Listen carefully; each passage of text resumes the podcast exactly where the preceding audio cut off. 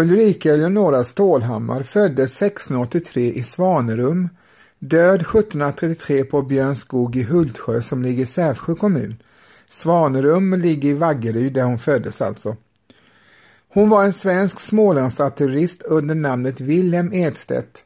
Ulrika Eleonora Stålhammar ställdes inför rätta för att klätt ut sig till man och sedan tjänstgjort som soldat och gift sig med en kvinna. Hon har skildrats i pjäser och litteratur och blivit föremål för utställningar.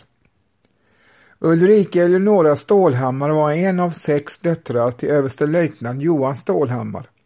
Hon uppgav senare om sin barndom att hon alltid hade tyckt mer om manliga sysslor än om kvinnliga och att hon inte hade lärt sig några kvinnliga slöjder och att folk som hade sett henne rida och jaga hade anmärkt att det var synd att hon inte vore man för då skulle hon med hennes talanger ha kunnat göra större lycka här i världen.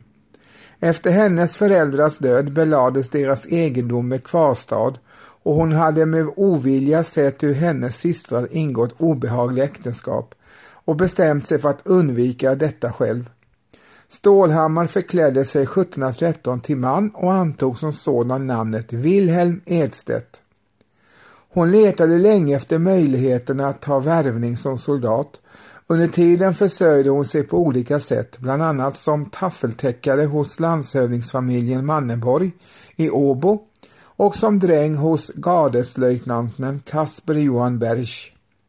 I Kalmar runt 1715 tog hon värvning och tjänstgjorde enligt svenska adels ätteltavlor som korpral vid ett faktori vid Kalmar 1716 till 1726. Hon gifte sig med pigan Maria Lönnman som inte tros ha varit intresserad av något intimt förhållande efter att ha varit utsatt för våldtäkt tidigare. Hon skall därför inte ha upptäckt sakens sanna natur förrän långt, långt senare.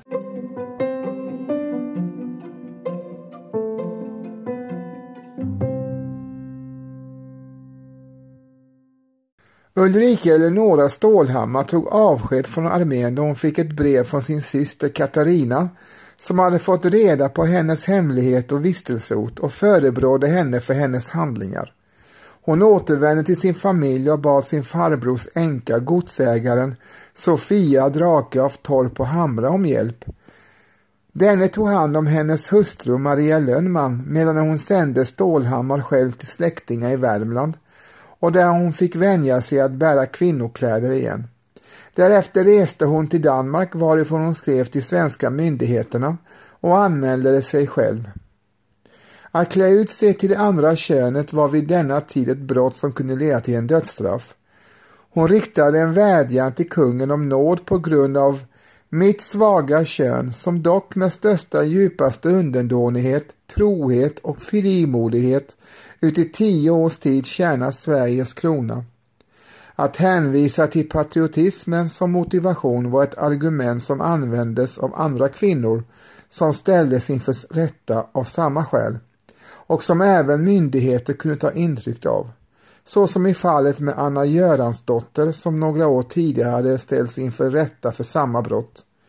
Myndigheterna förnekade inte att en kvinna kunde vara en duglig soldat, men synsättet var att detta inte förändrade brottet att ha förbrutit sitt kön. Stålhammar åtalades också för sitt äktenskap med en person av samma kön, Maria Lönnman.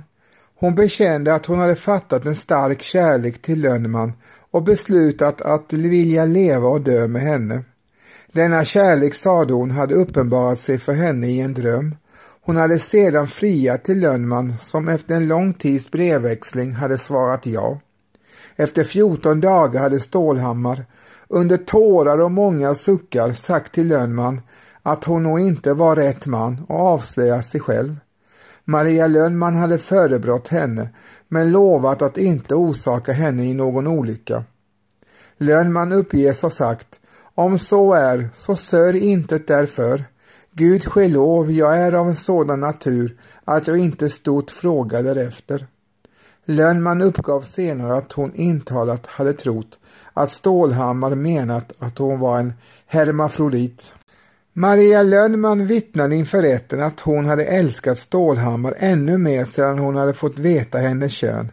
att hon för den kära och ljuvliga samlevnad dem emellan aldrig skulle ha kunnat avslöja henne utan istället hade bett till Gud om att saken aldrig skulle upptäckas och att Stålhammar skulle slippa kommenderingar så att de skulle kunna leva tillsammans för alltid. Paret försäkrade både rätten om att de aldrig hade haft något sexuellt umgänge med varandra. Före avslöjandet hade Lönnman legat på Stålhammars arm, inte mer. Stålhammar hävdar att hon hade förälskat sig i Lönnman delvis på grund av dennes kyskhet och dygd och även före detta husbönder, matmödrar och hyresvärdar intygade att de båda var kända för sin dygd.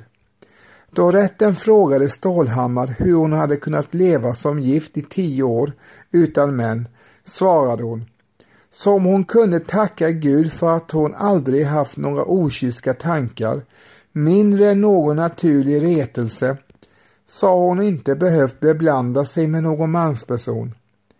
Rätten frågade Maria Lönnman om hon och Stålhammar haft sådana kärleksövning med henne som ogifta folk plägar med varandra.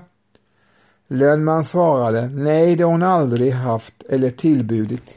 Göta hovrätt avgjorde att paret äktenskap hade brutit mot naturens ordning, men de frikändes från misstankarna om sexuellt umgänge. Hennes faster Sofia Drake av Torp och Hamra ska med ha en kraftfull intervention ha inverkat på strafflindringen.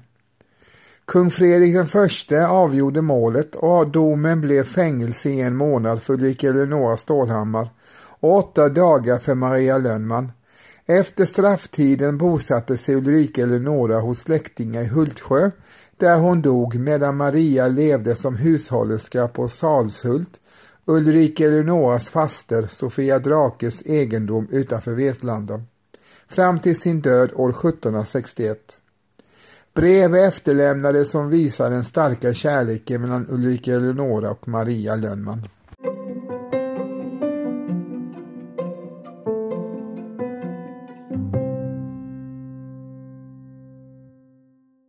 Från slutet av 1500-talet fram till början av 1800-talet är flera fall kända i Sverige av kvinnor som tjänstgjort som soldater utklädda till män, med en topp i början av 1700-talet. Detta var under denna tid ett allvarligt brott belagt med dödsstraff. Ulrika Eleonora Stålhammar är kanske mest kända fallet, men samtida fall var Anna Göransdotter och Margareta Elisabeth Ros som båda skall ha tjänstgjort i Karl XIIs armé samtidigt som Stålhammar. I Ros fall är det mer obekräftat. Samt en icke namngiven kvinna som skall ha blivit piskad för sin tjänstgöring under fälttåget i Norge och sedan levde långt in på 1740-talet då hon kunde ses i manskläder på Stockholms gator där hon i folkmun var känd som ryttaren. Det finns eh, en samtida medvetenhet om att det kunde finnas förklädda kvinnor i armén. Under ett åtal för manlig homosexualitet uppgav till exempel dragonen Jürgen Weiss år 1715 att han hade besvarat korpral Ros närmanden enbart för att han trodde att denne var en förklädd kvinna eftersom han hade hört att det skulle finnas två förklädda kvinnor bland soldaterna varav en som var gift med en dragon vid regementet och hade tjänstgjort i fyra års tid.